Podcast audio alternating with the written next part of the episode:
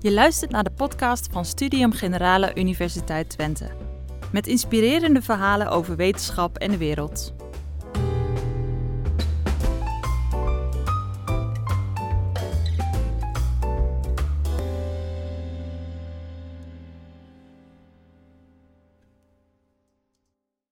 Good evening to all of you. I'm very happy that Kobe van der Linden managed to come to Enschede from Leiden. Um, Kobe van der Linden, she holds uh, a chair at the, University of Groningen um, in the field of geopolitics and energy. Furthermore, she's also director of the in International Energy Program at the De Haek Klingendaal. I asked uh, van der Linden to uh, reflect on energy and geopolitics, especially against the background of climate change. Kobe, the floor is yours. A warm welcome for Kobe van der Linden.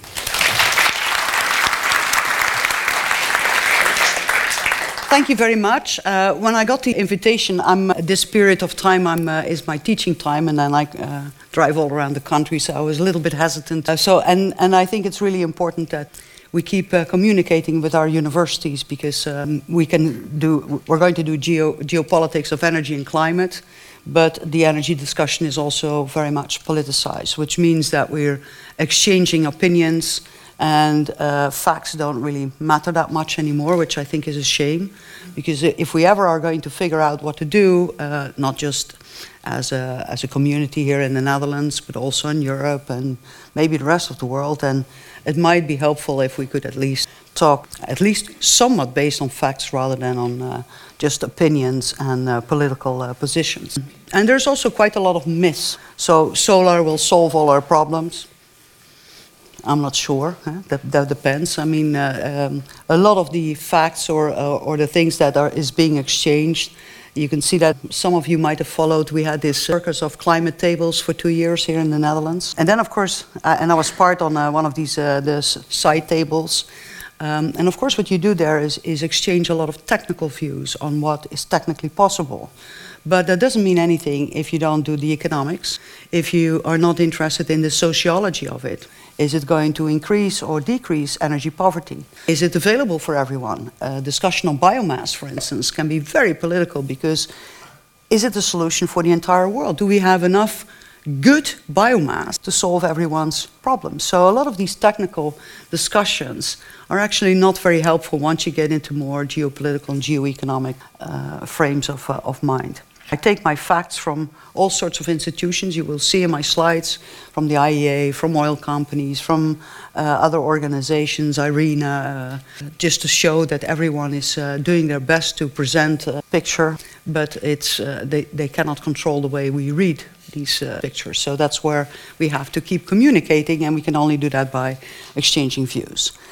So if we go to the um, uh, just kind of get a historical perspective on uh, on energy, and we look at how uh, things developed, I'm I'm just going to flip you through uh, fairly quickly, but you already see a lot of biomass and coal after the First uh, World War. Then uh, oil is kicking in.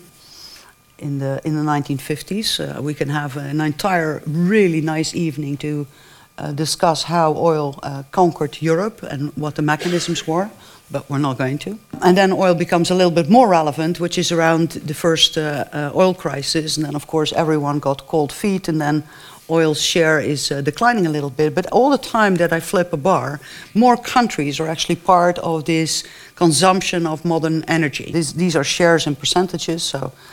And then we see natural gas come up too. Natural gas is, is a fuel that initially, uh, when, you, when you find oil uh, and you produce it, very often you also produce associated gas, which, if you flare it, you flare methane. That's not very good for the environment. Uh, so, very often the industry already figured that one out, and so they burn it. But of course, when you burn it, you uh, emit quite a lot of CO2.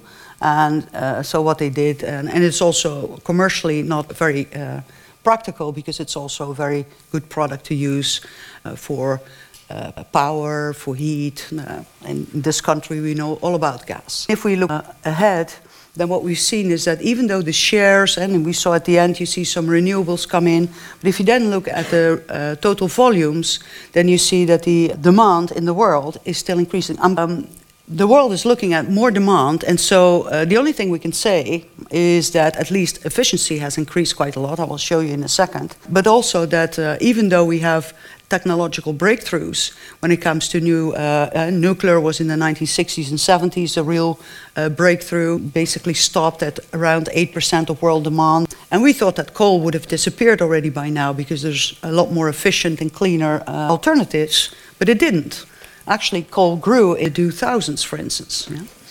So um, this whole energy mix of the world is somewhat of a conundrum. So we need to figure out what, what is happening and why. And so going into the future, uh, if you want to, uh, if uh, renewables will grow very fast, at some point they will taper off, but it's by far not enough. So if we look at the CO2 poor uh, resources that we're looking for uh, uh, under the Paris Agreement to one and a half degrees. If we can, and at least under two degrees, we must, then we still have a long way uh, to go because this is based on policies that are in place today. So policies need to be tightened up in order to uh, achieve the uh, desired results. If that happens, because at some point geopolitics and geoeconomics also begin to play a role.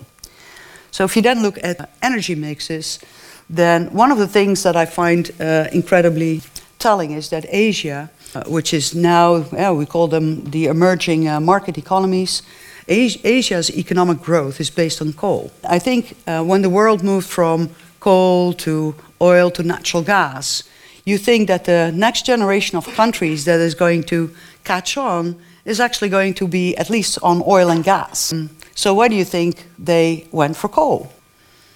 The reason is that coal was domestic, for instance, in a country like China, but also in India. Also in India, we see uh, coal capacities grow. And so um, these very big countries, if they uh, make that sort of choice, and then you say, okay, why did they do that? I mean, they also signed the Paris Agreement, and then it's very simple. In, in most countries, um, for instance, if you look at China, then quite a lot of the coal was produced in very small mines. It created employment. It was in areas where there was not much, uh, that much employment. Same in India, it's in a part of, of the country where uh, it's very hard to create employment. And so governments tend to go for their domestic fuel. That's something you have to remember because it has to do with your balance of payments. If you have to import all your energy, you become very vulnerable to events in the world, um, but also your employment might play a role. If we then look at this is a projection of BP uh, outlook they think that uh, renewables, for instance, grow very fast in, uh, in China. The investment there is outpaced the European and the American uh, investments. Uh, but still, if you look at the share of coal, it will come down only very, very slowly. Yeah? So the, uh, it will still be a coal economy like the Netherlands was a coal economy in the 1950s, where uh, more than 75% of the energy used is, is coal based. Another side effect of this is that when in the 1990s as a result of globalization, production moved from North America, uh, uh, Europe, to what they now say is the factory of the world, we actually changed gas based industries for coal based industries. So our imports have become much more CO2 intensive than when we produce them ourselves. That is also something that we need to address. And, uh, and so Europe can say, oh, you know, uh, this morning uh, in the newspapers that for the uh, CO2 emissions in the world stabilized. Yeah, they stabilized and they declined a little bit uh, in the U United States because of shale gas. Shale gas is replacing coal in the US um, and uh, in Europe a little bit, and it's increasing in Asia. And of course, if you then look at, at our trade relations and what sort of products we consume, then we've actually exported our CO2 footprint. So the world is a little bit more complicated, uh, particularly if, you, if we start, uh, political scientists look at countries and, and at power. And then, of course, if you look at this picture, the rise of China as a CO2 emitter, if you want, um, then um, depending a little bit on how you look at it. If you look at it per, per person, China's CO2 emissions are lower than in North America and Europe. Yeah? So we are still having a bigger CO2 footprint. But as a country, as a policymaker, if you want, uh, China is actually um, increasing quite a lot, trying to stabilize, but not always doing uh, very well. So, uh, and if you know what the, uh, the carbon amount uh, or the greenhouse gases since they do not disappear, it's not a relative problem, it's an absolute problem. Yeah? So even uh, though the footprint of China or India might be smaller per person, if we want to make the 2050 goals, it's still the countries that have to bring their CO2 emissions down. So uh, we're all going to be looking at uh, China, which is a, a, little bit funny because uh, I'm sure that if you would, before I show this, uh, this slide, you probably would have pointed at, uh, at, at the United States or Trump as the, the culprit, as some, the, the president who does everything wrong when we talk about climate. Yeah? But so far, because of shale, which you know, in this part of the world we also are not particularly keen uh, about, but shale is actually keeping the US on track for maybe another four or five years, and only then you know, they would need some uh, additional policies to actually keep declining. But so far, gas, because gas is pushing out coal. So Trump might actually uh, retire uh, after his second uh, period uh, if, uh, if he gets it that he has brought CO2 emissions down on a Paris trajectory. I mean, no one, none of us is, is like saying that out loud, right? That's, that's not part of the frame we have. And uh, when Trump made the announcement, the Europeans just switched and they looked at China and they said, oh, yeah, President Xi, he's the, uh, the, the, the, the climate leader in the world. And I thought, you know, I was sitting behind my computer, I thought they must be kidding. They must have not seen uh, some of the, uh, of the graphs that, uh, that are coming out because as long as he keeps adding coal capacity to his fleet, we're nowhere near. Do you know how long a coal plant works? When you build one and you take it into production tomorrow? 40 to 60 years. That's way beyond 2050. Do we think that the Chinese people can afford to early retire all that invested capital? Because that's what we're talking about, right? Is that fair? So this, this, these are some of the issues that are out there. Yeah? Uh, and this week uh, we saw something come around that Japan is, uh, they had in 2011, they had a huge issue with their nuclear. They had a tsunami and uh, the wall they had built to uh, keep the sea out was a little bit low. And so the nuclear facility got wet feet and uh, began to sizzle a bit. Um, and so the Japanese people do not really trust their nuclear anymore. Uh, Japan today was announced as one of the countries where CO2 emissions declined. Why? Because they were phasing out the gas again and they had turned on some of their nuclear plants. But uh, the support among the Japanese population for nuclear is really very low. So, how is Japan going to produce power in the future? You would think that if they have to come with, up with an, an alternative, they should go to, to solar and wind. But the conditions for solar and wind in Japan are not that brilliant. You know what? They're going to build 22 coal plants. That's not helping. So, if we look at how uh, CO2 emissions have, uh, have, um, have developed, then yes, we can see that uh, uh North America, Europe, we, uh, we were there early on. We had our, uh, our share. it is declining somewhat. Um, but the globalization of the world economy and the fact that so many countries are now middle income countries with uh, industrial capacities, industrial demand for energy, uh, has changed the, uh, the discussion dramatically since the beginning of the uh, climate change discussions in the late 80s. Because then China didn't really appear on our graphs, in part because we had no clue what was going on there. So this is just another I really like this one because it must have been done by an artist, yeah, that you can show how everyone moves through the ranks um, and to replace the United States. Uh, China is, is big in everything, and not only in CO2 emissions, but also is now the biggest oil producer. Will soon be the, one of the bigger, bigger, biggest natural gas uh, consumers or importers, and the same goes for coal. So uh, the reason why I'm, I'm focusing so much on, uh, on, on China is because if you look at energy in the past 15, uh, 15 years, then, then the, the rise of China as a world economy has really determined everything we show in terms of energy. So it's uh, whether it's oil or gas prices or flows of oil and gas and coal, more than 50% of every change we saw was determined by China. So therefore, it's quite interesting to have a look what uh, they're doing. Um, one of the things uh, that is really good is that China, uh, after being not very energy efficient, has improved its energy efficiency. So they produce a lot more with using a lot less energy. So that is really the good news.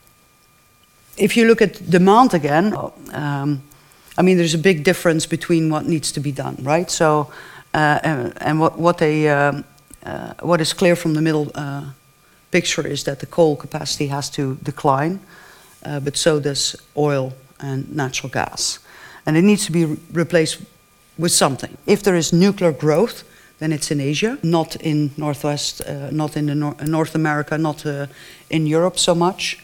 Uh, Belgium, Switzerland, Germany are going to retire their nuclear fleet. Uh, of course, what happens when you do that, then you have to replace a, CO2, a relatively low CO2 source with something else. Germany will retire its nuclear uh, in um, three years, I think, from now. 2023, the last one is closed. And uh, the capacity that they will close matches all their solar and wind capacity they've built. So, CO2 wise, they've done nothing. And if you look at the pocket of the German consumer, they've really paid quite a lot of money to create that solar and wind revolution because that's what they did. And we should be grateful to Germany because they made solar and wind so much cheaper for all of us. Yeah? But the German consumers are paying a very high price for that same solar and wind until 2030 in their bills. And uh, when you look at the climate change efforts, then they haven't really done that much, right? So that's, a, um, that's the difficulties when governments are steering somewhere that uh, the perverse effects are sometimes uh, not, uh, even though you could predict them to be there, then the political frame won't allow you to discuss that, that there is uh, maybe drawbacks to the policy. And uh, I don't know, there, I'm sure there's some Dutch people, but when you look at the news, I mean, for how long have we been told that we are totally stupid as the Netherlands and lagging behind and uh, the bad boy or girl in the class and whatever words they want to uh, call? But if you look in terms of efficiency, what, what we're going to do, uh, I think the jury is still out, yeah? Because it depends on how, if Germany has spent everything its consumers can take, then the next step which uh, hopefully we get there, is going to be a little bit more revolutionary, Germany might not be able to make on its own. Because when you are a front runner, you also carry the front runner's cost. And so maybe it forces Germany to collaborate with the Dutch, with the Danes, and you know, whoever wants to join up. That would be a very good thing because the Danes and the Dutch are too small as an economy to be a front runner. Yeah? So for us, we would basically kill ourselves. We, we would do that, despite what the government claims that we want to be, uh, after being lagging behind for all this, now all of a sudden, the coming 10 years, we're going to be leading. Yeah? In thought, I always say. But if you look at the world, which climate change is a global problem, because basically the share of Europe in terms of its footprint is declining every year. Not because we're doing great things, but because others are growing much faster in terms of emissions. And so, but also the relevance of Europe declines uh, in terms of political clout. If we sit at the table, I mean, if Trump comes there with his big uh, emissions, everyone has an interest that they will do something. Uh, but if Europe is declining uh, its relative share, then if we, uh, the way we started a couple of years ago, that we demanded, in the Copenhagen conference, we demanded everyone to also do X, Y, and Z, and then we would add 10% more to our target. Well, no one's going to be impressed because Europe cannot solve the problem.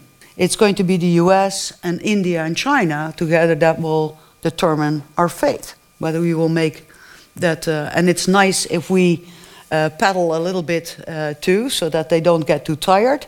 But we're not going to make that much of a difference, and that's really hard to take for Europe, who always thinks, yeah, uh, uh, the Eurocentrism in a lot of these uh, discussion is sometimes breathtaking. So what we see here is that the share of renewables, yes, it has grown quite a lot, but still quite a lot is hydro and solar and wind despite the fact that they grow with the double digits, is still on the larger things way too small. So there's still a lot to do. Okay, so now I'm going to a part why, uh, because it, I, it, has to be the geopolitics of climate, why um, energy per carbon uh, matters. Uh, I told you in the beginning that uh, a lot of governments, when they have coal resources, they like it because it's a domestic source. So you can't be held hostage by a supplier telling you, well, if you don't do A, B, and C, then otherwise you don't get your oil or your gas or your this or your that. So that's why domestic uh, fuel is also liked very much. But for policymakers, if they, are, if they have to combine a policy target of security of supply and climate and affordability, then uh, all of a sudden the scales begin to change a bit. Coal, because we don't have a CO2 price for the world, is very cheap. So affordability with coal is actually a good, a good match. It's a very poor match when it comes to climate change. And it could be a very good match when it comes to when you have it domestically with security of supply because it's uh, in your own country. But when most consumers, when they uh, purchase energy, they don't like, they want to energy but not the CO2. So if you can provide the same energy with lower CO2 emissions, that should actually be rewarded in the market. But it isn't always. That's, that's the big problem we're trying to tackle. So Europe has a CO2 price. China is experimenting around Shanghai also with CO2 pricing in order to uh, get that in. And that all has to do with trying to kind of incentivize your energy system to prefer the more energy per carbon emitted. Which sounds a bit strange, and then of course it's not just the carbon that is in, in your fossil fuel resource, but it also has to do with the technology that you use, because you have very efficient coal plants and you have really inefficient coal plants. So China has been closing quite some coal, but that was really its very old fleet. So it has replaced it with a newer fleet. That's why its energy efficiency has come down so much, and uh, and, and therefore you also emit uh, less CO2 per, uh, uh, per kilowatt hour, but still the coal itself is, uh, is uh, problematic.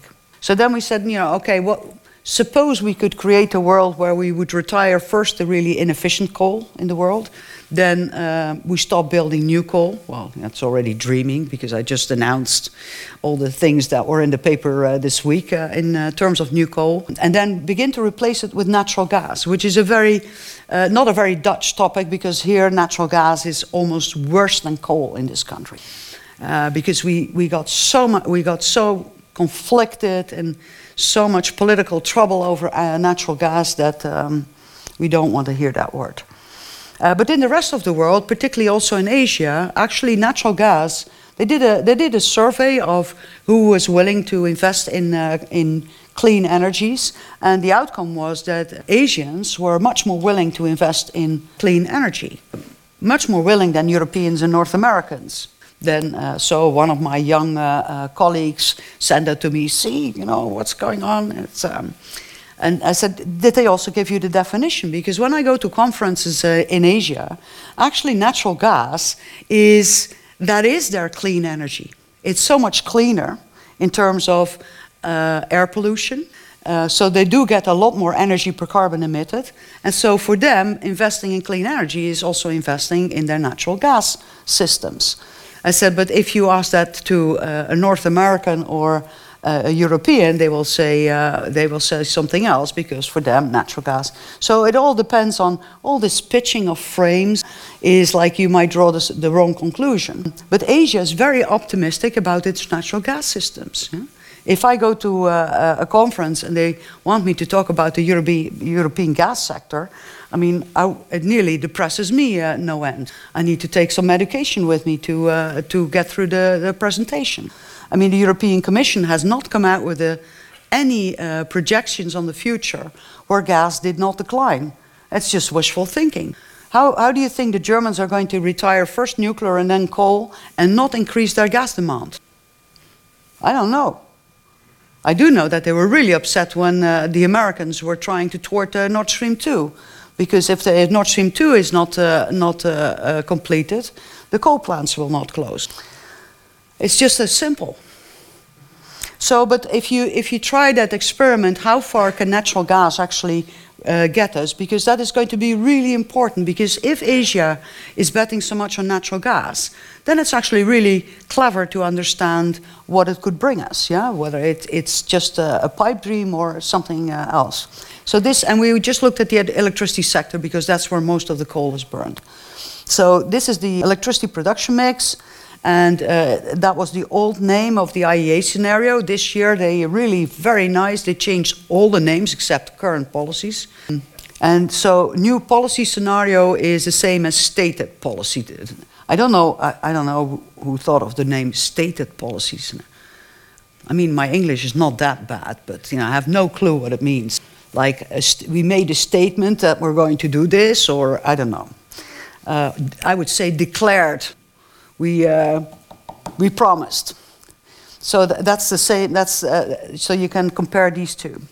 So if we start doing what I just said, that we, uh, we retire uh, first very inefficient coal in the world and then begin to replace it with uh, gas, then um, this is more or less what you get in terms of, so this is a, at the top is the CO2 emissions if we had not done anything, and then slowly, uh, no new coal plants, then uh, you switch the uh, existing ones, you close them early and switch to gas, and then you begin to decarbonize up to 20% of your natural gas, which is possible with green gas or with hydrogen, either through blending or pure, uh, pure hydrogen. And then you do some CCS. That, that will get you quite a lot of CO2 emission uh, reduction. And if you then look where, where that gets you, the bottom line is the uh, below, well below two degree scenarios. So uh, it, it actually takes away quite a lot of the CO2 emission reduction things that you have to do in your economy. And if you look at the power sector, that it nearly gets you there. This is just switching coal to gas and cleaning up 20% of the natural gas where you uh, insert it with uh, clean uh, gases. If you see this, then you think, you know, why don't we do this immediately? Because what it, what it actually uh, tells you is that if you would retire coal without CCS, I mean, I don't care if they keep coal with CCS or some other technology that doesn't emit the CO2, fine too, but no CO2 emissions. Then we don't have to decarbonize our mobility as deeply as we have to do now. We don't have to decarbonize our industry as deeply as we have to do now. And we don't have to change heating systems as deeply as we have to do now.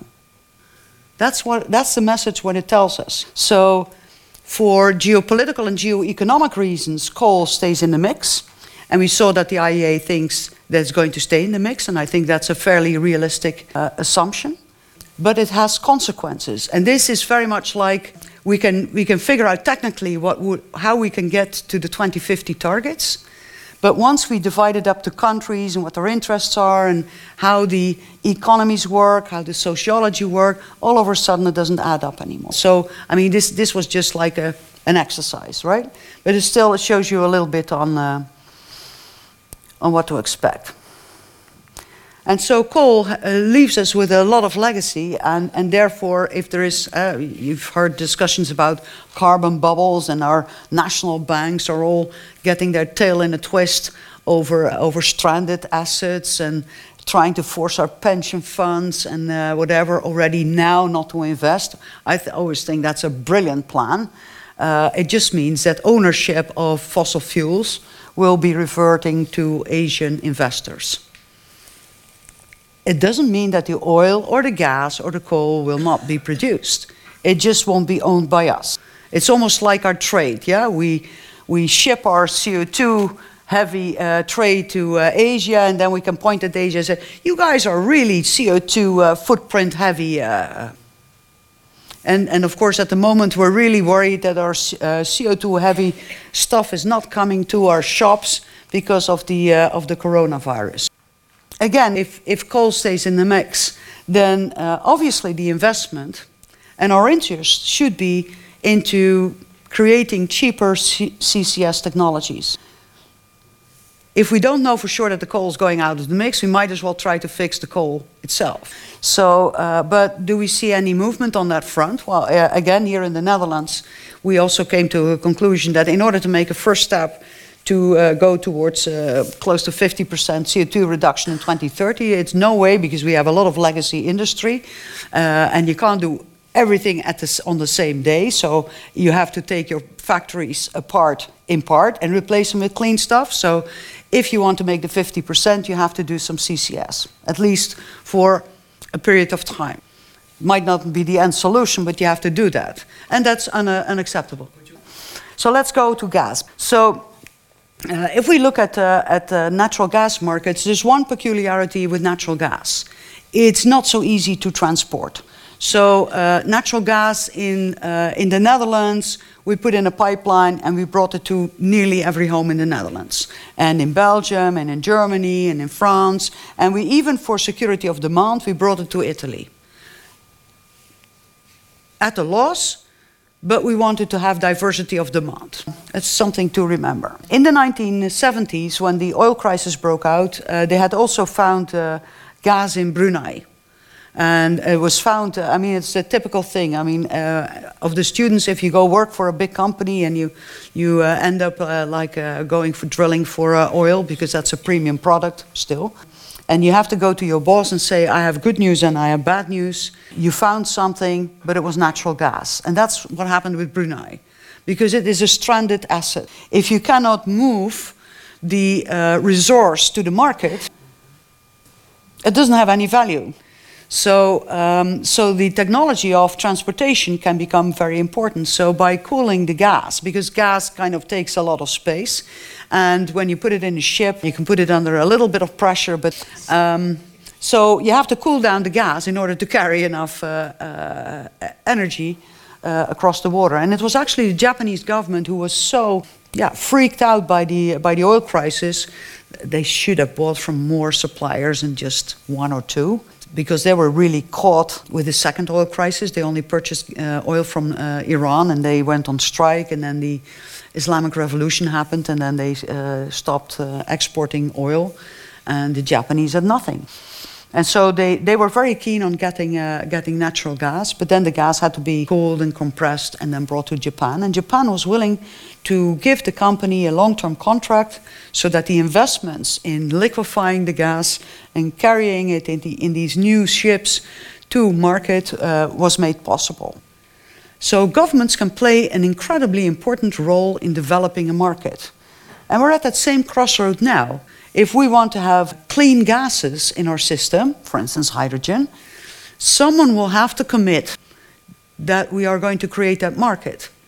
You need a long term contract in order to take that investment risk. Otherwise, if we're just going to sit as a society and say, well, you know, we think that ExxonMobil, Shell, BP, Total, they have to do that. And we're just going to wait and see what happens. Well, I can tell you what happens nothing. Because they can't risk their capital that way if there is not uh, if they are not allowed long-term contracts. But of course, we've liberalized our markets and we believe in spot markets and all this short stuff. You can't invest on this short stuff in these new factories. So we have to figure out whether we can find a, a way.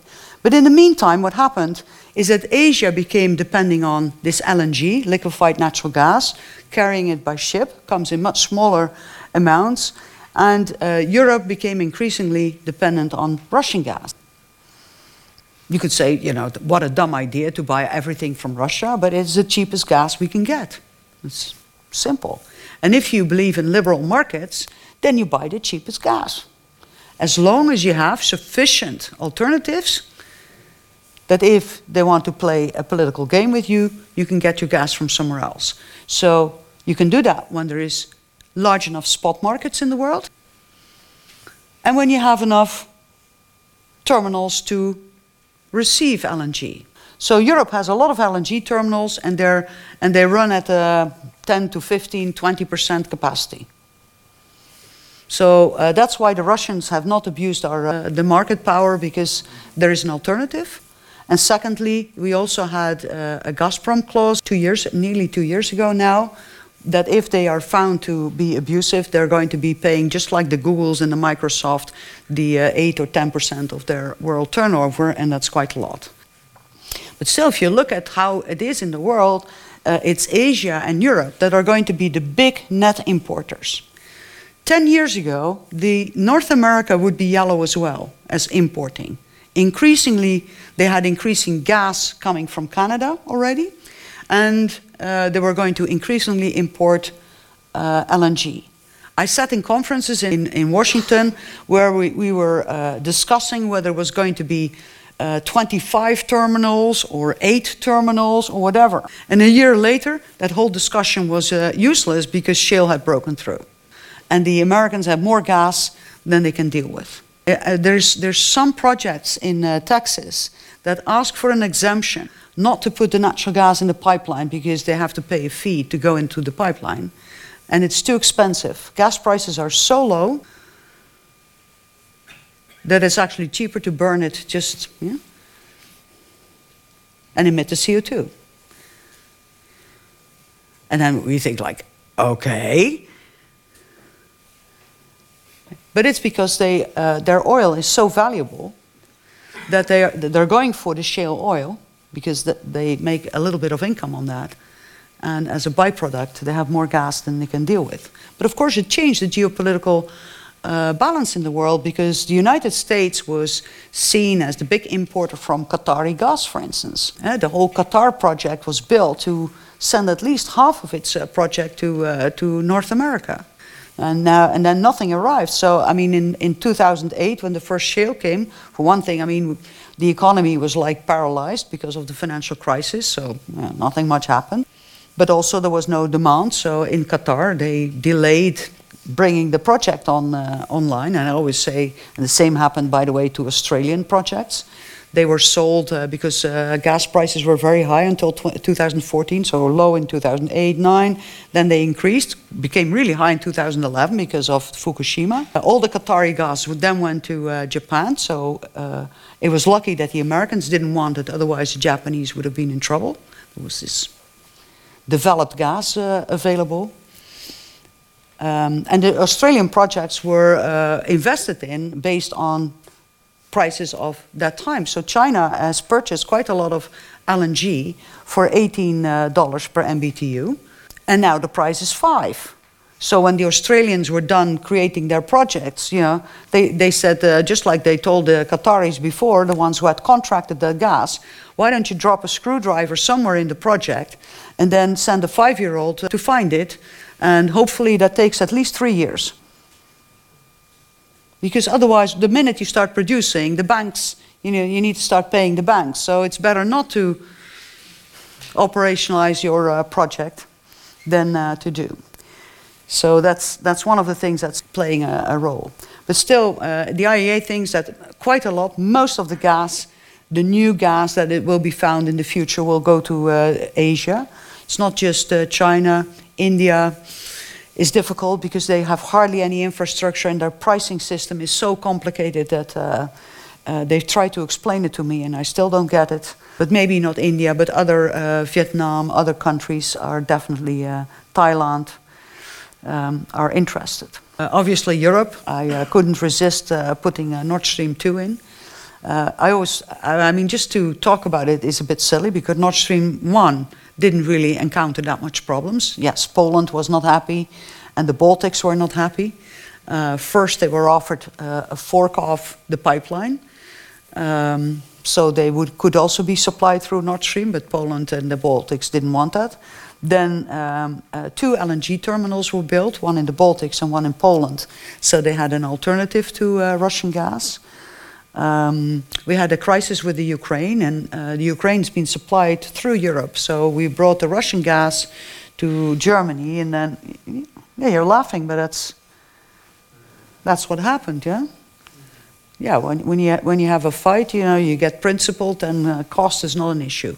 So uh, they would purchase the gas on European markets, and then it was sent back through the Czech Slovak uh, pipeline because they, they, are, uh, they can go both ways. Now, with Stream 2, that encountered a lot more uh, problems, and that has in part to do uh, with the fact that uh, the US has become a substantial exporter itself, but also because uh, they both land in Germany, and um, uh, are then the gas goes further into Europe, in part to Italy, north-south co- connection, Opal. And actually, the Netherlands is also interested because since we, we decided to close our gas production early, what is it, 2023, we actually uh, need uh, an expansion of the pipeline system through North Germany in order for us to have gas because we're building a nitrogen plant to bring it up to Groningen standard. But if we don't get gas, our, our heaters don't work on nitrogen. So we need gas. We don't want to discuss this. Okay. So one of the reasons is that um, uh, LNG from the United States is increasingly coming to Europe. And actually, last uh, the, in the past year, we've seen this. Uh, remember when Juncker went to visit Trump because there was, uh, you know, issues. He, he offered freedom gas, which I thought was funny. And so Juncker promised that uh, Europeans would buy more American gas. I mean, he's not the boss of gas, right? It's private companies who purchase gas. But what happened is that China and the US were in a trade war. And so China uh, put a 25% uh, trade tariff on LNG, on American LNG. So it could take uh, from Brunei, Qatar, and from Africa and, and, uh, and Australia, but not the US. So all of a sudden, this American LNG was. Uh, yeah, people had invested a lot of money in liquefiers and, and, and nowhere to go because all the uh, American LNG previously had been contracted on not on a long-term contract but on on uh, short-term contract was going to Asia because there you could get a premium price for your natural gas, much better than uh, in Europe. But when the uh, so when the Chinese didn't want the gas anymore, they uh, it was left over. So they began to push it, uh, um, yeah, basically uh, into the European market because that's the market of last resort. Yeah? There's a lot of uh, terminal capacity, so you can always get rid of it. And so European gas prices have been very nicely low as a result of that gas coming. It has tapered off already, and I wonder what the Chinese will do now because uh, their their economy is badly hurt by uh, the virus. And then the, the Americans, when they uh, use the uh, uh, argument to stop uh, Nord Stream 2, they say, oh, you know, uh, Germany and uh, all these others, they, they spend all this money and they're financing Putin. And then the way they pronounce the name Putin is always you know, like, you know, need a window wiper. Um, Putin. Um, but if you, if you look at, at, at the income from oil and gas, how much of Europe's uh, imports of energy and how much we spend on uh, Russian oil and gas, then actually it's fairly modest if you start digging into the numbers again. So I don't know where uh, this comes from, but it's a frame that uh, was very much alive that we are financing. Um, and yes, the uh, energy income for Russia is, uh, is important, but it's asymmetric. And that's also something you will never hear. Okay, let's move up a bit. So, events. So, this is crude oil prices. So, we've seen them uh, zigzag uh, quite a lot. And uh, particularly the last bit, we've seen uh, uh, oil prices uh, where you see it go up and then it goes down. Why did they go up? What do you think? The, the fact is, no one remembered. You know, when we made scenarios, and in any scenario we ever made, and we would lose 5 million barrels from Saudi Arabia, the whole world would be on fire. That was the worst scenario ever. And what happens in the fall? Abqaiq gets bombed. That's the biggest oil treatment center in the world. 5 million barrels, chook, off the market. Prices go up a little bit and come down. Why do they come down? The Saudis were very open in their communications. I think we have to be grateful for that because maybe 10 or 15 years ago they would have been very uh, mystical about what, what was hit. Now they immediately showed pictures and um, uh, also had a lot of, uh, because the oil market has been in oversupply, they had a lot of uh, storage. Yeah? So they had produced the oil but kept it above the ground and could supply uh, their clients from their storage. They uh, repaired it very quickly, yeah? so they called in all the troops to uh, repair at least the oil site. What they never told the world is that the Saudi industry works on associated gas. And when you have an, a, an oil treatment center, you separate the oil and gas there, and so they didn't have any gas. So that means in some places, no drinking water. because they have desalination plants working on gas. I mean, of course, the only thing we are interested in, can we drive our cars? And, you know, we, we're not interested in all whether Saudis uh, uh, can drink water or cool their houses or whatever. I mean, that has never been part of the narrative, right? We don't ask that sort of thing. Okay, and then uh, OPEC got together because prices weakened again, and, and now we're really low. So why, why are we down now? It doesn't need anything. They have no one to uh, unload the ships their whole logistical system at the moment does not work. So even though they have ordered the goods, you just can't land them. So the whole uh, supply to China, which uh, I told you already is so important, has, uh, is, uh, is now uh, gone. So if you look at the oil price effects of the, uh, of the virus, it's just a couple of weeks. OPEC had just decided to cut production a little bit to support prices to $75. That would have been good for, for at least for the producing countries, for everyone. And now this crisis is happening and prices are really low. Uh, $50 in the US and, uh, and a little bit more uh, for the rest of the world. Okay. And then we, you're right, we also had a crisis around uh, Soleimani. Um, and you know what also coincided with taking out the 5 million barrels of Saudi Arabia is that the American uh, sanctions were uh, tightened in May of last year. And in September, 3 million Iranian barrels were also taken off the mark. So we're talking about 8 million barrels less. No OPEC policy ever took that much barrels off the market. And prices are hardly moving. So for me, it's time to retire because I don't get it anymore. so if you look at the oil flows, you saw with, uh, with natural gas, I could give you a technical reason why the market was not maybe as global as, as you thought. But this picture that I show you now, if I had shown you the one from 10 years, uh, 10 years ago, then you would see oil flows go all over the market. Our oil market was much more, in physical terms, much more globalized. Again, the growth in Asia has actually regionalized international oil markets again because most of the oil in the Middle East is going that way. And again, as a result, most of the oil that Russia produces is now coming to Europe. So, uh, in this age of globalization, you see some kind of yeah, division of labor uh, coming up that, uh, that even though maybe in price wise we have global markets, but when you look at the physical flows where you look when you look at risks, uh, whether there's any bottlenecks in your uh, supply lines or all that sort of thing, you have to look at the physical flows. Uh, and there we see this uh, regionalization uh, taking place. And it doesn't really change that much if we look at uh, refined products, if we add them up. So I thought I should share that. Then here we see the rise of shale, and it's already so far that the United States is now the biggest oil producer in the world. I mean, they were the biggest importer for nearly 40 years. They have now given the baton to China, who is now importing more than 10 million barrels. But now the US is nearly uh, is become a net uh, exporter. You see how much uh, Asia is depending on the Middle East.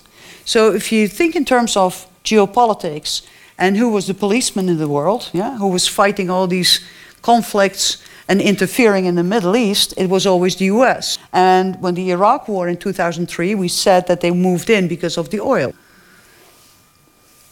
Actually, uh, after um, you know, the dust settled, it was only Asian investors and European investors who invested in Iraqi oil, not the American companies. You know, that's maybe a, a, another myth that you can uh, uncover. But now, do they lose their interest in the Middle East? And is the interest of Asian uh, countries now so large that they have to worry about all these conflicts uh, going on in, in the Middle East? And at the same time, we see Russia much more active than we've seen them in a long time in the Middle East, in, uh, in Syria and with Turkey and uh, with Iran. Why? Because it's frustrated by Europe and North America. I mean, they never really were allowed to become part of the West. They're not too keen to become part of the East because they feel strategically threatened with a lot of border and very little people to defend it. And so they're moving south. I think we're going, we're going to the uh, end now.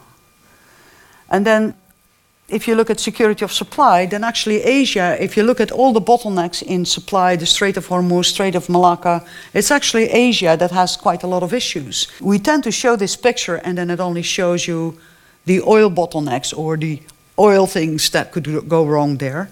But natural gas or LNG is passing through the same uh, bottleneck. So the problem is a little bit more complicated.